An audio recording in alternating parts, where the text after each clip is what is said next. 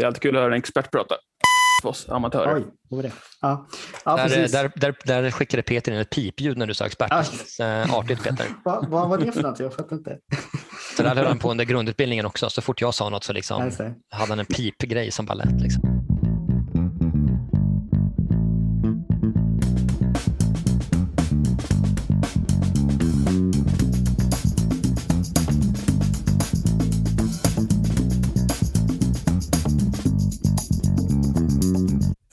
Så hej, välkomna till ett nytt avsnitt av Rehabsnack med mig Peter Lindberg, fysioterapeut. Och vid min sida idag har jag Daniel Pantelic, eh, kiropraktor. Välkommen! Tack så mycket. Varsågod. Och sen har vi en speciell gäst idag, eh, en tidigare kursare till mig som heter Kristoffer Kullander och han är fysioterapeut och specialist inom fysisk aktivitet och idrottsmedicin. Välkommen Kristoffer! Tack så mycket.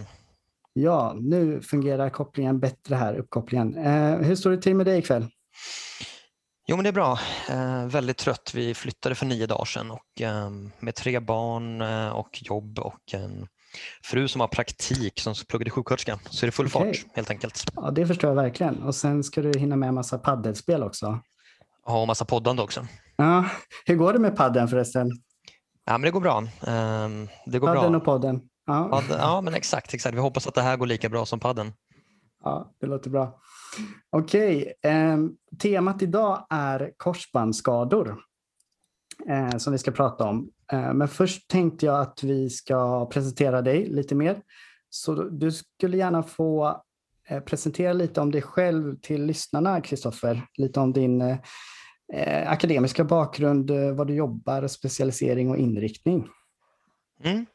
Nej, men jag ehm, har, från början läste jag på Idrottshögskolan. Eh, så jag har en kandidatexamen i folkhälsovetenskap eh, som är en utbildning mycket inriktad på ehm, träning, kost, ehm, beteendevetenskap. Efter det så eh, läste jag lite strökurser och sen så gick jag sjukgymnastutbildningen då på KI där jag bland annat läste med dig då Peter. Efter den så läste jag en master, eller skrev en masteruppsats på Idrottshögskolan och ehm, gjorde min ehm, ja, specialist då, som det heter inom idrottsmedicin eh, parallellt. Och nu har jag varit då specialist i, ja, om det är tre år kanske. Jag ehm, jobbar på Artrokliniken, Capio Artro Clinic i Stockholm, eh, Globen och ehm, jobbar också som lärare på Idrottshögskolan i ehm, styrketräning. Och har också jobbat lite parallellt som lärare på Axelssons på deras ehm, utbildning för personlig tränare. Ehm, på Artrokliniken så jobbar jag främst med knän och då allra mest med korsband, ehm, alltså ACL-skador som jag skulle säga är nästan kanske 70 procent av mina dagliga eh, patientbesök. Mm. Okej, spännande. Och eh, hur kom det sig att det blev just eh, korsbandsskador som blev liksom din specialitet? Jag tror att jag alltid har ehm, eh, velat rikta in mig mot ehm, idrottsskador. Och ehm, inom idrottsskador så är korsband en stor och vanlig diagnos när det gäller de allvarliga skadorna. Och det är också en diagnos där jag tycker att man får mycket man kan utnyttja sin kunskap inom styrketräning, biomekanik, rörelselära då det är en lång rehab med väldigt mycket olika faser och eh, väldigt mycket styrketräning. Ehm, så eh, ja, därmed så följer det sig naturligt med ett intresse för korsbandsskador. Okej, jag förstår. Och du har ju lång erfarenhet inom det här området och då är jag lite nyfiken på ifall du tycker att eh, ditt tänk och kliniska resonemang har förändrats över tiden med hur du hanterar och behandlar de här patienterna med korsbandsskador. Eh, absolut, här skulle man ju kunna prata eh, hur länge som helst om hur ens tänk har förändrats. Eh, primärt så skulle jag väl säga att eh, när jag började jobba som sjukgymnast inom, eh, eller jag började direkt på artrokliniken efter examen, så eh, gjorde man ju mycket så att eh, jag tittade på hur kollegorna arbetade Eh, ja, tog efter mycket i eh, övningsval, antalet övningar, eh, vikten av stretching och en stor skillnad är väl att idag jag är väldigt hands-off sjukgymnast. Jag jobbar i princip ingenting manuellt. jag har väl någon sorts... O, jag tror jag blev skadad av stretching när man var yngre, så jag, jag ogillar ju stretching ganska starkt överlag. Um, jag hade en tendens, som många i början, att um, ge ut väldigt många övningar. Jag vet inte varför, utan man, jag tror jag hade tänkt det så många att man vill täcka in allting. Så en patient kunde ha 14 övningar i sitt träningsprogram. Hagelgeväret. Jajamän. Ja. Där jag idag kanske istället väljer färre övningar och såklart beroende på patient, ehm, motivationsgrad och, och så vidare. Men det här skulle man kunna prata länge om. Ehm, jag skulle säga att det har förändrats väldigt mycket i alla fall. Mm. Ja, vi får se ifall eh, det finns något tillfälle där vi kan diskutera vidare on air eller utan, utanför. Okej, men ska vi försöka dyka in lite i dagens tema då, korsbandsskador och rehabilitering av dem. Och då bestämde vi eller att vi ska försöka fokusera lite på den senare delen av rehabiliteringen av, av dessa. Då. Eh, och med senare så, så menar man, ja vad menar man då, Kristoffer? Ja, eh, det beror väl på, eh, skulle jag säga. För att senare skulle ju kunna vara efter operation. En korsbandsrehab för mig börjar ju från skadetillfället. Men det Eh, när, när jag har haft kurser om, om korsbandsrehabilitering så har vi räknat senare fas som tre månader och framåt ungefär. Just det, ja, precis. Och eh, jag har deltagit på en av de kurserna som du har haft som jag tyckte var eh, väldigt bra. Och det jag tog med mig framför allt, eller det som jag kommer ihåg fortfarande, det var ju flera saker såklart, men en, en sak som jag tyckte var bra, det var just det här med att eh, våga belasta, våga utmana patienterna. Eh, det var någonting som jag tog med mig från er kurs. Det tyckte jag var väldigt bra budskap. Jag tror att det finns en ehm, rädsla hos många när det gäller korsbandsrehab och operationer. Att man känner en osäkerhet. Hur mycket tål korsbandet? Hur mycket tål det här knät? Och Det gör att vi ehm, på artrokliniken tenderar att få in en del patienter som inte har fått belastas tillräckligt. Man har tränat um, samma övningar, samma antal repetitioner, samma antal set, samma belastning under en väldigt stor del av reben utan en god tanke om progression. Och Jag tror att det handlar mycket om uh, att man inte riktigt vågar. Mm. Ja, men det kan jag känna igen faktiskt. För jag kommer ihåg en patient jag hade för länge sedan, men den tog jag faktiskt över från en annan kollega. Så jag är väl kanske lite ursäktad, men där så fortsatte liksom rehabilitering med samma övningar, precis som du säger. Eh, men sen när han eh, skulle på en uppföljning på, jag tror det var på Sofiahemmet, och då fick han inte jättebra resultat på styrkan i quadriceps framför allt då. Så att eh, eh, det blev en, en hemläxa. Där kan man ju säga att eh, de som har rehabiliterat korsbandspatienter i Stockholm som opererade hos oss på artrokliniken, de patienterna kommer i princip alla göra en styrkemätning efter sex månader ungefär. Och den styrkemätningen mäter um, styrkan i sittande i en biodexmaskin som är en typ av benspark-lårköl. Och den mäter olika maxstyrka, den ska mäta explosivitetsstyrka och excentrisk styrka. Problemet med det testet är att efter sex månader är det ytterst få patienter som når upp till det målet som många tror att vi har, att det ska vara mindre än 10% sidoskillnad mellan benen. Och Våra egna studier visar att det kanske är ja, runt 10% av patienterna som uppnår mindre än 10% skillnad i samtliga styrkemått efter sex månader. Oj. Det var inte många. Nej, och det, det kan vara bra att um, ta med sig som vårdgivare och som patient att det inte är rimligt att man är i kapp efter sex månader. Många blir besvikna där och tror att nu har jag gjort ett dåligt jobb eller nu har patienten gjort ett dåligt jobb. Och så är det väldigt sällan um, bara baserat på ett styrketest. Mm. Okej. Okay. ja, men det känns ju lite bättre för mig då. Men, eh, men jag känner väl där att eh, jag tror också att det fanns en liten, en viss eh, kanske rörelserädsla både hos patienten, eller framförallt eh, kommer jag ihåg hos patienten för att han var ganska orolig och sådär. Och, och så. Det smittade av sig på mig och då blev jag lite eh, nervös, kommer jag ihåg. Eh, det var ett tag sedan då. Men, eh, så det var jättebra efter att jag gick eh, kursen då med dig och, och David att eh, våga belasta och utmana mer.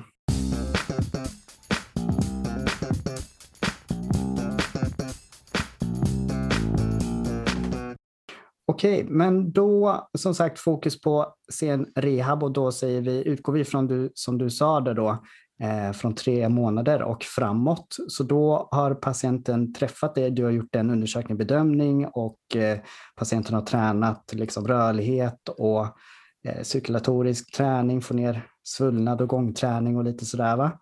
Eh, så om vi går vidare då på efter tre månader, hur tänker du kring rehabplanen eh, för vidare rehabilitering? Jo, alltså, jag tänker väl att de första eh, tre månaderna så handlar det väldigt mycket om att sätta eh, en bra grund för att sen kunna gå vidare med rehaben på ett, på ett bra sätt. Så hur de första tre månaderna ser ut och hur patienten sköter sig och hur jag såklart hjälper patienten att sköta sig kommer ju eh, göra en otrolig skillnad för rehaben från tre månader och framåt. Och om vi pratar korsband, inte korsband och menisk eller korsband och brosskada eller något annat. Om vi pratar främre korsband och tre månader framåt så hoppas vi över tre månader att patienten har en väldigt bra knäflektion. Kanske inte full med belastning, men att den kan flektera i princip fullt passivt. Vi hoppas att patienten har fått till en sträckning i alla fall till 0 grader, det vill säga ett rakt ben. Um, ofta så, de flesta patienter har ju en viss översträckning i, eh, i ett friskt ben. Och uh, vi brukar sträva mot så sidlika som möjligt men jag brukar tänka att har patienten 15 graders översträckning i, i det icke-opererade benet så kanske det inte gör någonting om vi kommer till 10 grader översträckning med opererade.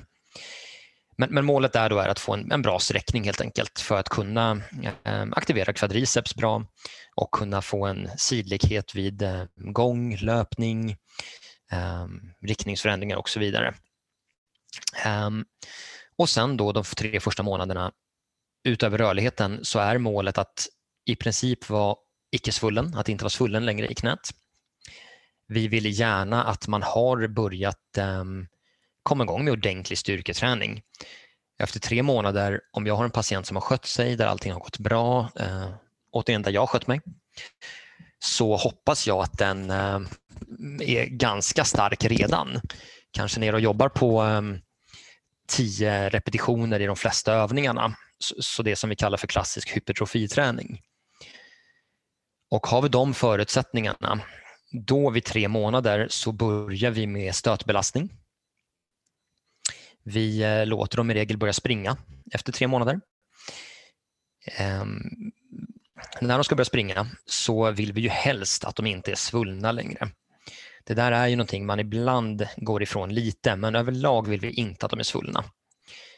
Dessutom, ja, kör. Ja.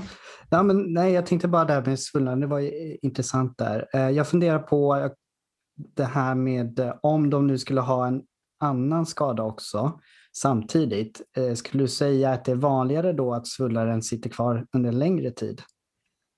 Absolut. Det gör en eh, ofta otroligt stor skillnad. Okej. Okay. Mm.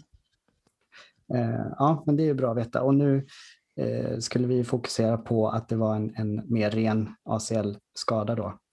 Um, Okej, okay, så det kan väl vara bra att lägga till där att det mm. är ju inte helt vanligt med rena ACL-skador utan vid en korsbandsskada så kommer det nästan alltid uppstå andra skador eh, i leden. Sen behöver det inte vara en stor meniskskada eller en stor brostskada, men eh, vi tror att det är svårt att skada ett korsband utan att få till exempel ödem i knät. Och eh, får du mer ödem så är det någonting som inte är så väl beforskat. Men vi tenderar att tro att en kraftig smäll eh, med då medföljande ödem i, eh, i benet, brosket, kommer eh, ge smärta, kommer ge svullnad, kommer minska stöttåligheten. Så det gör nog en stor skillnad även om vi inte kan ehm, predicera vilka som de här ödemen är ett problem för eller inte via magnetröntgen eller så. Mm. Och när vi ändå är inne på svullnad, för att jag tycker det kan vara lite klurigt, för patienterna upplever jag eh, kan vara ganska oroliga gällande just svullnaden. Varför finns den kvar kanske längre tid än tre månader? Så hur, hur kan man tänka, eller hur tänker ni kring svullnad då när ni börjar med lite mer avancerad träning och belastning? Det är svårt.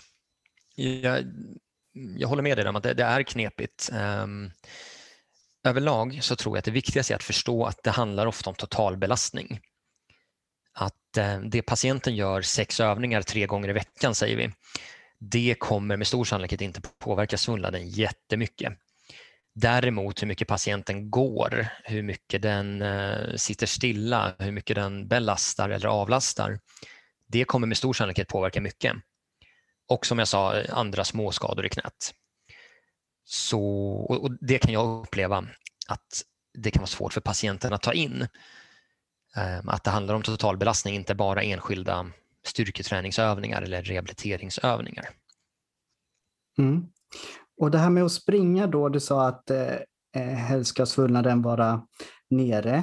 Har ni någon typ av, eh, vad ska man säga, eh, stegring där gällande hur man kan initiera löpning? Vi har ett löpschema som de flesta hos oss arbetar efter där i, i grund och botten handlar det om att man springer tre gånger en minut, tre pass under en vecka. Sen ökar man till fem gånger en minut och så finns en stegring där. Jag går väl mer och mer ifrån det. Dels för att man alltid strävar efter att vara en rebell.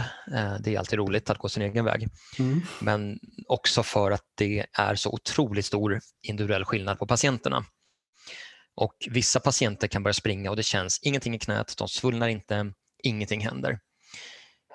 Roligt exempel, jag har en eh, kille nu, eh, jag får tillåtelse att prata om, om honom, en, en skateboard, eh, ja. halv skateboardproffs kan man väl säga. Och, han tränar ju stenhårt men gör också allting han inte får. Han hoppade med snowboard och grindade efter tre och en halv månad efter korsbandsoperationen. Tyckte han var en bra idé. Oj. Och eh, när han skulle börja springa så sprang han tre gånger en minut på gymmet hos oss. Det gick jättebra. Gången efter sprang han fem gånger en minut på gymmet. Och sen eh, en vecka efter första löpningen så gick han ut och sprang sju och en halv kilometer utomhus. Mm. Och svullnade inte, fick inte ont. Hade fortfarande bra sträckning och böjning. Mm. Så jag tenderar väl att inte rekommendera sju och en halv kilometer löpning, men inte heller att eh, alla ska passa in i samma mall. Vissa kommer kunna stegra löpningen snabbare och vissa kommer behöva ta det väldigt lugnt.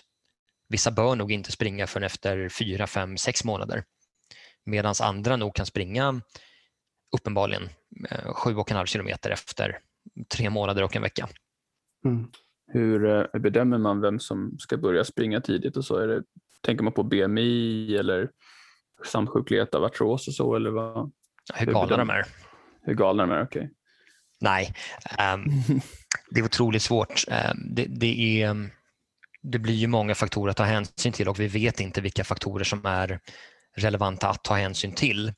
Men givetvis är det ju så att har du andra skador i leden, har du en eh, artrosutveckling, har du en eh, övervikt, kanske kraftig övervikt, så kommer det ju eh, inte vara rimligt att springa efter tre månader. Det finns en del studier där man har försökt att titta på ehm, sätta någon sorts kriterium för när löpning kan initieras. Och det har föreslagits ehm, att man har eh, mindre än 30% sidoskillnad mellan benen.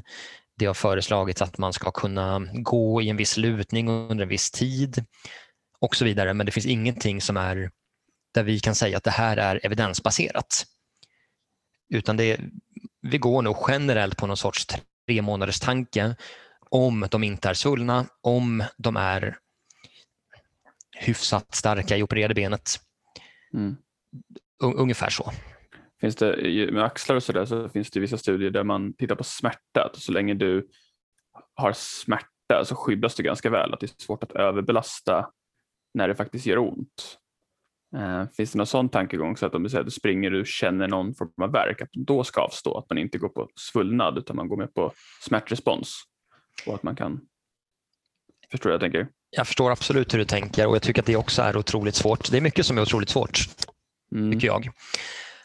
Och eh, när det gäller smärtan så, eh, som ni båda vet, så eh, är det så otroligt individuellt. Och vi kommer att ha vissa patienter som är livrädda för när de känner någonting från knät. Och vi kommer att ha vissa patienter, typ den här skateboardkillen som redan har brutit alla ben i kroppen och tycker att lite smärta, det är inte en smärta, det är att jag känner någonting. Så jag tycker att smärta är otroligt vanskligt att eh, stegra efter. Mm. Mm. Jag vet inte om det var svar på din fråga. Men... men, men risk att låta lite dum, men det här graftet man sätter in, finns det någon nociception från det? Eh, man... Kan du känna smärta? Jag tror, vad jag har förstått, att du inte kan känna smärta från korsbandet. Mm. Och, och, Grejen är ju den med, med graftet att um, under tiden du rehabiliterar, alltså från att du sätter in det till lång, lång tid efteråt så kommer det här graftet eh, mogna in i skelettet bland annat. Så du sätter ju det med en skruv. Eh, den, den, distala fästningen sätter du med en skruv. Mm. Och Den skruven behövs ju i ett antal månader. Sen kan man ju ta ut skruven eh, om man skulle tycka det är kul eller att det behövs. Så eh, smärta, nej skulle jag säga. Däremot så tror vi att du kan få en eh, viss proprioception från graftet. Okay. Men att det kommer då eh, successivt eller senare helt enkelt när det har mognat in. För det, jag tänker det komplicerar lite grann om det inte gör ont i det man har reparerat. Ehm, då kanske man inte kan gå på smärtan. Liksom, är det farligt eller inte? Eller liksom, att den bara kan gå av utan smärta igen. Ja, det, det, är en bra fundering och det jag skulle säga är att tagstället däremot, alltså var man har tagit det här graftet, det är ju det som ofta ger eh, en del smärta. Speciellt, man, man tar ju kort sammanfattat så tar man ju i regel ett av tre olika graft. Man tar, I Sverige tar man fortfarande till väldigt stor del från semitendinosus, alltså mediala hamstrings, en av de senorna. Man tar och har tagit länge eh, från patellarsenan och det har varit det som varit absolut populärast i till exempel USA. Och sen sista åren har man börjat ta kvadricepssenan, att du tar centrala tredjedelen av eh, distala delen av kvadriceps. Eh, och beroende på vilken sena du tar så kommer det påverka smärtbilden ganska mycket. Och tar du till exempel kvadricepssena så brukar det ehm, ja, göra ont från det området vid löpning till exempel. Så själva mm. korsbandet i sig skulle jag inte säga att man kan ta smärthänsyn till men beroende på var du har um, tagit det här graftet så kommer det kunna vara någonting som ger smärta och bromsar eller icke bromsar rehaben. Ja, precis, att det stör rehaben på grund av smärta men jag tänker med risken för eventuellt att den går av. Att man tar hänsyn till smärta om den kommer gå av eller inte skulle gå av, av av att löpa? Ja, eller ja, egentligen vilken rehabövning som helst. Att man tar när man progrederar en rehabträning. Jag skulle säga att jag har nog aldrig, jag, jag, tror inte att man, det är inte rimligt att tro att man kan dra av korsbandet vid en rehabövning. Nej. För det, för det är lite Om man inte ni, ramlar eller sådär såklart kraftigt. För, för det här var ni diskuterade inte så länge sedan du och Peter, att man är rädd för att man, när man gör rehab en patient att man ska skada patienten, att det ska dra upp det. Ja. Men det, jag har också lite svårt att se, så länge patienten inte liksom är smärtlindrad kraftigt, hur man skulle kunna överbelasta med vanlig rehab och dra av den igen. Det måste sitta ganska stabilt tänker jag. Du kan ju överbelasta knät men du kommer med, jag har aldrig talat om ett fall där man tror att patienten har dragit av det nya korsbandet med rehabilitering. Det, det, vi har, det vi har sett är ju såklart vi har haft till exempel på kliniken hade vi en kille som var med på, um, vi hade grupprehab, um, return to sport um, fokusering, där han hoppade över en häck till exempel och uh, skulle riktningsförändra och, och knät vek sig. Men mm. där handlar det inte om att man skulle kunna sagt stopp av smärtan. Nej. Och Det som är klurigt med korsband, en av de kluriga sakerna, det är att många drar det igen, många skadar det igen ganska tidigt när de är tillbaka i sin sport. Vi har haft exempel på patienter som har gjort en jättebra rehab, har hoppat, sprungit, riktningsförändrat, eh, tränat tuffa koordinations balansövningar, sen gått ut på fotbollsplan, varit med i en enkel passning, passningsövning. Du får en boll, du ska vända dig om och knät viker sig och du har pajat korsbandet igen. Mm. Det, det, kan man lägga till där också, det finns exempel på patienter som vi tror ju att alla patienters korsband inte eh, sätter sig ordentligt. Man tror att, eh, jag vet inte om det är att kroppen stöter bort eller inte, men att det finns en del patienter som opererar korsbandet och sen så märker man inte när det går av igen. Mm. Och Det är ju sånt exempel som är, kan vara skrämmande såklart. Men um, det finns exempel på det helt enkelt. Utan smärta. Mm. Och att det egentligen inte skulle ha någonting med reben att göra utan att det bara korsbandet sitter inte som det ska. Ja, det är det man tror. Mm. Ja, intressant.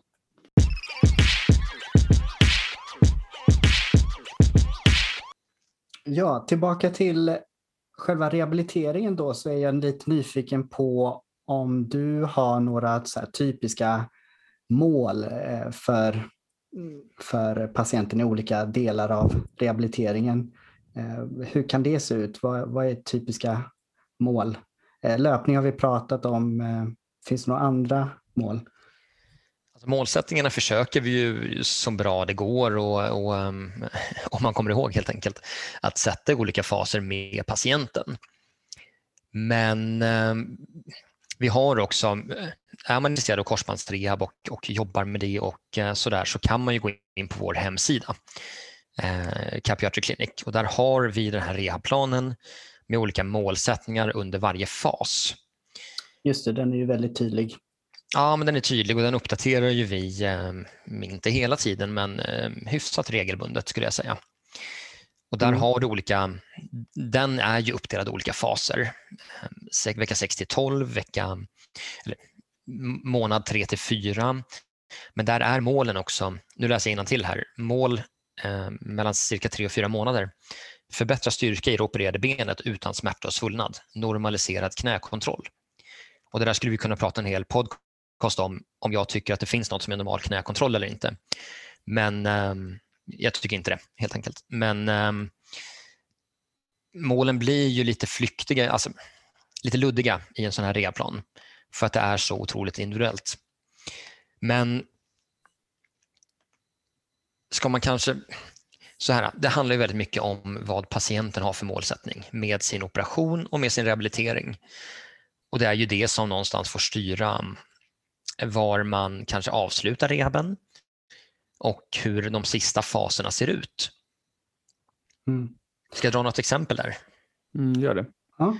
Ja, men har jag en person som är eh, 55 år gammal som har som största mål med operationen att inte vara instabil i vardagen och att kunna åka skidor en vecka om året. Då ser jag inget stort syfte med att eh, träna tuffa plyometriska hoppövningar. Jag tänker att eh, risk-reward där blir ganska skevt. Att varken jag eller patienten kommer vara nöjd om patienten eh, rupturerar akillessenan vid ett trestegshopp. Medans har jag en patient som ska gå in och spela fotboll på elit eller subelitnivå så kommer jag ju vilja att ens knä, hälsena, ljumskar, baksida lår tål maxlöpningar, tål tuffa plyometriska hopp, tål allting vi slänger på den innan den går tillbaka i spel. Så målsättningarna blir ju väldigt eh, direkt eller indirekt styrande av hur vi lägger upp framförallt sista delen av rehaben. Just det. Ja, så det varierar mycket förstår jag och såklart det är individuellt. Eh, jag blir lite ny, nyfiken på det här med patienternas förväntningar och motivation. Eh, jag tänker på, upplever du att en del patienter har lite orealistiska förväntningar över när de kan börja spela igen eller hur lång tid rehabilitering kommer att ta? Det där är ju svårt. Jag skulle vilja lägga till en sak där och det är hur mycket energi de kommer orka lägga ner på rehabiliteringen. Förstår du vad jag menar då? Mm. Eller utveckla för, för, för sakens tydlighetens mm. skull. Mm. Jag, jag, tycker att det finns en ganska stor eh, skillnad på vad patienten tror att den kommer orka lägga ner i form av tid, energi och så vidare mot vad de sen gör, många patienter. Och, och, Det är ju någonting jag tycker man ska ta hänsyn till för det första när det gäller om man ska opereras eller inte. Är det en person som aldrig eh, tenderar att träna regelbundet, som inte gillar styrketräning, så kanske det inte är en så bra idé att operera ett korsband på den personen. Medan har vi en patient som är högmotiverad så är, och har tydlig instabilitet så är det jätterimligt. Men, men, min bild är ju att många opereras i onödan. Det, det är en sak för en annan podd. Får se om jag blir tillbakabjuden efter den här um, monologen. Men um, ja, så, så, där skulle jag säga att det är många patienter tror mer om sin egen uh, framtida insats än vad de kanske sen levererar. Vilket är mångt och mycket rimligt, för det kommer saker i vägen och, och jag dömer ingen utan det handlar mer om att resultatet kan bli rätt dåligt. Mm. Ja, för jag tänker på det här med eh, Zlatan som skadade korsbandet och han var väl tillbaka i spel efter eh, ett halvår eller vad var det? Dels så vet jag, man ju fortfarande inte exakt vad han hade för skada. Aha, är det så? De, vad jag kommer ihåg så har de fortfarande inte gått ut med om det var bara korsband, om det var menisk, om det var, det var prat ett tag om att det var påverkan på bakre korsbandet också. Okay. Men, men Zlatan, dels så har man inte heller sagt vilket graft han har fått och det är ju så att tar man ett av de här tre graften vi har pratat om, semitendinosus, patellagena eller kvadricepsena, då kommer rehaben ta längre tid än om du får eh, ett eh, graft som är eh, antingen konstgjort eller från en annan person, död eller levande, så kommer det påverka att du kan komma tillbaka tidigare. Och i USA så, så tar man ju mycket då graft som inte är från din egen kropp. Och han opererades i USA. Så det kommer ju också mm. påverka eh, Intressant. Det kommer också påverka tiden till eh, återgång helt enkelt. Mm. Det kallas för allograft. Ehm, eh, autograft eller autograft är eh, när man tar det ehm, ja, kroppseget. Då. Och sen med Zlatan kan man lägga till att när han kom tillbaka och spelade i december det året så såg det ju förjävligt ut han var långsam, han var ehm, han rörde sig dåligt, eh, han spelade ju några matcher. Sen fick han ju en ny liten skada och var borta i två månader till. Och Sen kom han tillbaka och såg bättre ut. Mm. Ja, ja nej men, eh, precis. Och han är ju verkligen liksom en toppelitidrottare också, får man ju komma ihåg. Eh, och liksom, det är hans jobb att träna, så han har ju jättemycket tid att ja. rehabilitera. Men, men du är inne på något intressant där att många patienters förväntan kan ju styras av vad man har hört, hur det har gått för vänner, hur det går för elitidrottare. Och tittar du på um, olika länder, i, i, Italien så finns det en um, tendens bland elitfotbollsklubbarna att ha tillbaka spelarna i, um, i, i matchspel efter fyra månader. Medan tar du England så pratar vi 9 till 12 månader och Sverige absolut 9 till 12. Mm. Så, så, det där är ju mycket en kulturfråga också. Och jag tycker ju att det är orimligt, som du säger, då, att, att, att jämföra en professionell idrottare med en ehm, um, 15-åring eh, som um, går i skolan, har mycket med betygen, har stressen som det innebär att vara tonåring. Är det rimligt att jämföra tidsaspekten där? Jag tycker inte det. Mm. Och sen kom jag ihåg att ni hade ju en, från kursen en referens där på att det ök, risken för ny skada ökar med flera gånger ju tidigare man går tillbaka till spel. Före nio månader, var det så? Eller? Ja, exakt. Nu, nu, um, nu var det lite för länge sedan jag höll kursen och ja, har varit föräldraledig, men för varje månad innan nio månader så har man ju i vissa studier sett att du har i princip en 50-procentig ökning av um, risken för reruptur för varje månad inom nio månader. Och um, Det är en ganska stor riskökning. Vi kommer aldrig kunna säga åt folk att nu har du ingen risk att rerupturera. Men kan vi hålla dem till nio månader och sen försöka ha vissa kriterier för återgång till idrott så tror vi ju att vi kan åtminstone bättra på oddsen så mycket det går. för att inte ha en reruptur eller få en reruptur. Vad är risken för att få en reruptur? Säg inom fem år. Den är stor. Eh, eller, ja, stor. det ska man inte slänga ur sig. Det, det, är inte det jag brukar säga första besök till patienterna. Men, stor. men, men eh, ibland använder man det som en skrämseltaktik. men eh, lite olika från studie till studie. Men eh, eh, nu ska, det här ska jag kunna. 20 till 30 procent kanske. Eh, Mm. om, om man tittar liksom på, på längre sikt. Um, sådär. Ja, det är ändå bättre än rotatkuffsuturerna. Så att, Absolut, absolut. Det, det är det ju. Och Det är också exakt, det är också en intressant diskussion såklart. mm. Sidospår, det blir en annan Ja. dag. Exakt. Mm. Mm.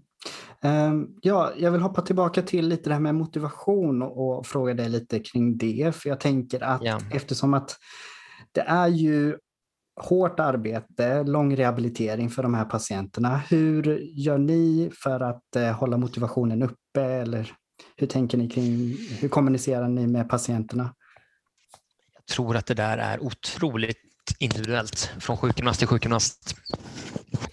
Jag är ju en sån sjukgymnast som um, fråg, pratar mycket, frågar mycket, intresserar mig väldigt mycket för personen som jag har framför mig. Jag tycker att det är otroligt ointressant att bara se träffa 12 knän en dag.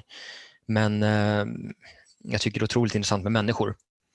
Och jag tror att den grejen, att förstå vad som driver personen jag har framför mig och få den att känna sig välkommen på kliniken, att tycka att det är kul att komma, att eh, känna att den kanske delvis vill prestera för, mest för sig själv såklart, men också för att göra ett bra jobb inför mig till exempel.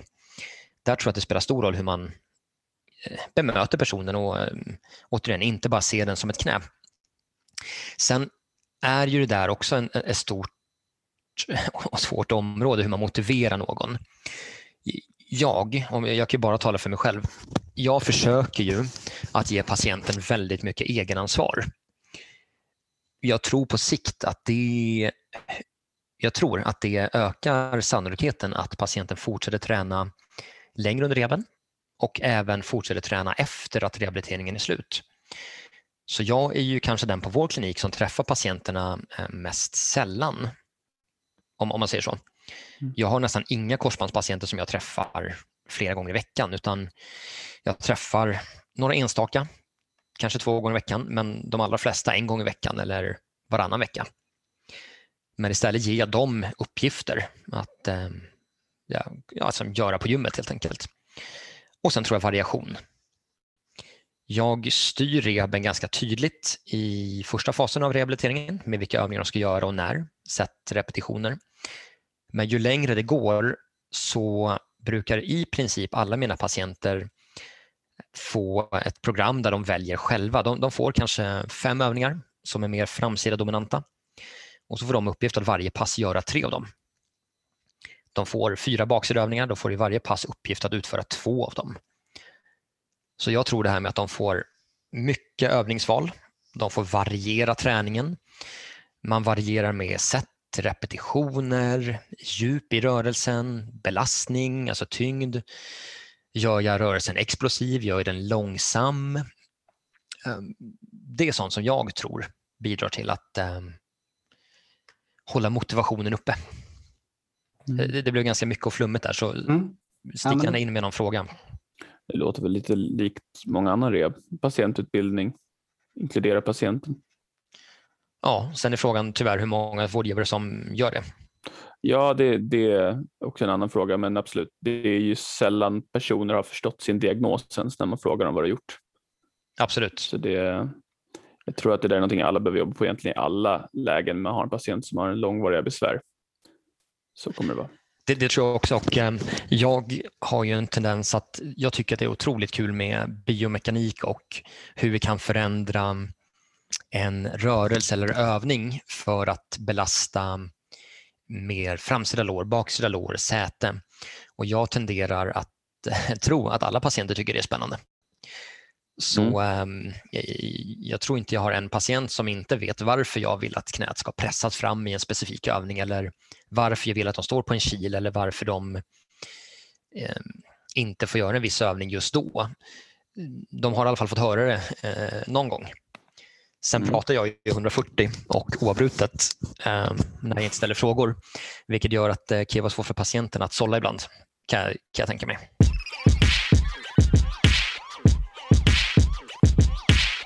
Okej, så nu om vi säger att en patient har rehabiliterat nu i flera månader, eh, vi säger till exempel eh, sex eh, månader, och den börjar bli lite otålig och frågar när, när kan jag gå tillbaka till min idrott och börja träna?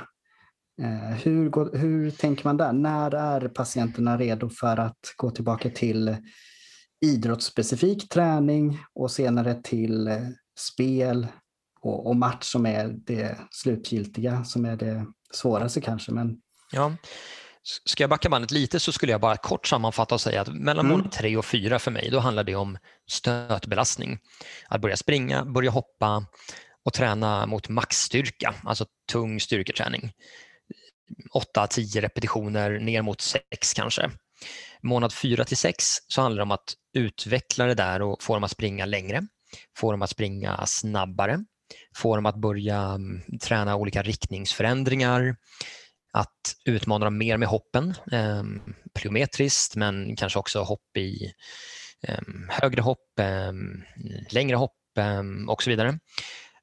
Och gå över till verkligen maxstyrka, att de i vissa övningar jobbar mm, två till sex repetitioner.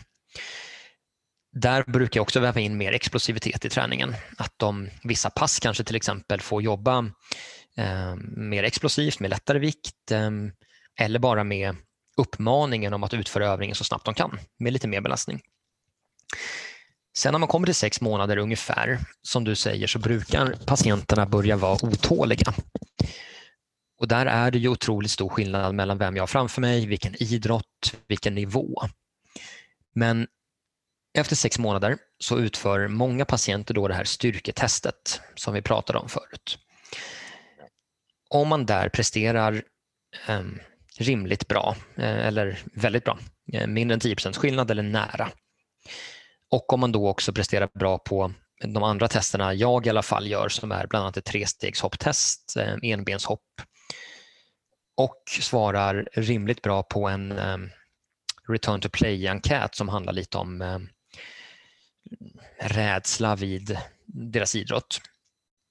Då börjar vi försöka väva in idrotten, alltså att vara med med laget också eller att eh, börja mm, gå ner på en fotbollsplan själv och springa med boll, skjuta mm, eh, på en tennisplan, kanske mm, stå med tränare eller med en kompis och bara slå ett visst slag utan tuffa moment. Och sen handlar det mycket om nivå och vad man har för förutsättningar. Är det någon som spelar korpfotboll så är det svårt att säga till den att prata med din tränare om att du har väst på dig och bara är med i specifika övningar. Men har ju en ehm, ja, återigen subelitidrottare, elitidrottare, ungdom som spelar och satsar, då kan man ju på ett smidigt sätt ha en progression även ehm, ja, hos laget. Där jag kanske då bestämmer, du får med på passningsövningar, du får med på lättare spelövningar men måste ha en väst på dig för att markera att man inte får gå in i närkontakt med dig. Så det är otroligt olika där beroende på patientens förutsättningar. Tack för den sammanfattningen. Det var jättebra och intressant att höra, eh, tycker jag. Och eh, jag tänker att vi ska börja avrunda lite här, men finns det någonting som du skulle vilja lägga till, någonting som är, är viktigt eller något vi inte gått in på som du vill lägga till eller något tips till vårdgivare vad vi ska tänka på när vi träffar de här patienterna? Nej, men jag skulle vilja säga att för mig är det absolut viktigaste första månaderna det är att få knät lugnt och fint, svullna av och sträckning, sträckning, sträckning. Ju fler år jag jobbat med korsband, nu är det väl åttonde året, så tycker jag att en bra sträckning är nog det absolut viktigaste första tiden och att få ner svullnaden.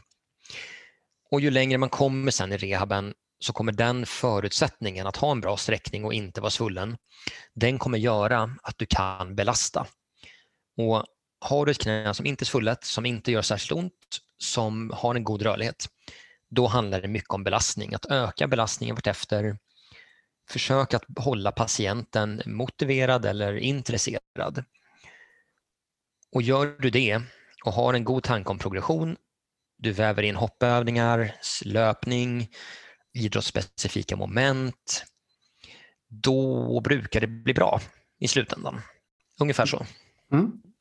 Ja, men snygg sammanfattning där, Kristoffer.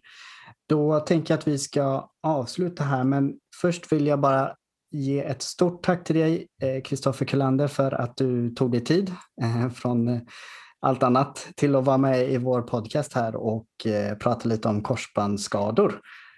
Tror du att det blir några framtida kurser om detta? Ja, det hoppas jag. Det är jag och min kollega David som har hållit i dem. Men problemet sista året har varit att David har börjat forska och jag har skaffat ännu ett barn. Så olika intressen, jag och David helt enkelt. du kanske kan köra solo? Exakt, så vi får se hur, hur, hur tiden ska finnas också. Men jag, jag gillar att undervisa. Ja. Så det, vi hoppas att det återkommer. Och, det tycker jag. Ja, det har varit jättekul att vara med. Jättekul ja, att vara med och um, är gärna med igen om det är några ytterligare funderingar kring konservativ behandling eller icke-konservativ behandling eller bara hylla och skälla på ortopeder eller något liknande. Ja, ja men det låter mm. bra. Då, då plockar vi in dig igen. Ja, men tack så hemskt mycket Kristoffer och um, lycka till med uh, allt. Tack så mycket Peter och tack så mycket Daniel. Ja, tack för att du var med. Det är alltid kul att höra en expert prata för oss amatörer. Oj, vad det? Ja. Ja, där, där, där, där, skickade Peter in ett pipljud när du sa expert. Ja. Äh, artigt Peter. Va, vad var det för något? Jag fattar inte. Så där höll han på under grundutbildningen också. Så fort jag sa något så liksom hade han en pipgrej som bara lät. Liksom. Ja, men tack så hemskt mycket ehm, och eh, ha det bra. Vi, vi hörs. På återseende. Ja, ha det så bra nu. Tack. Hej. Hej.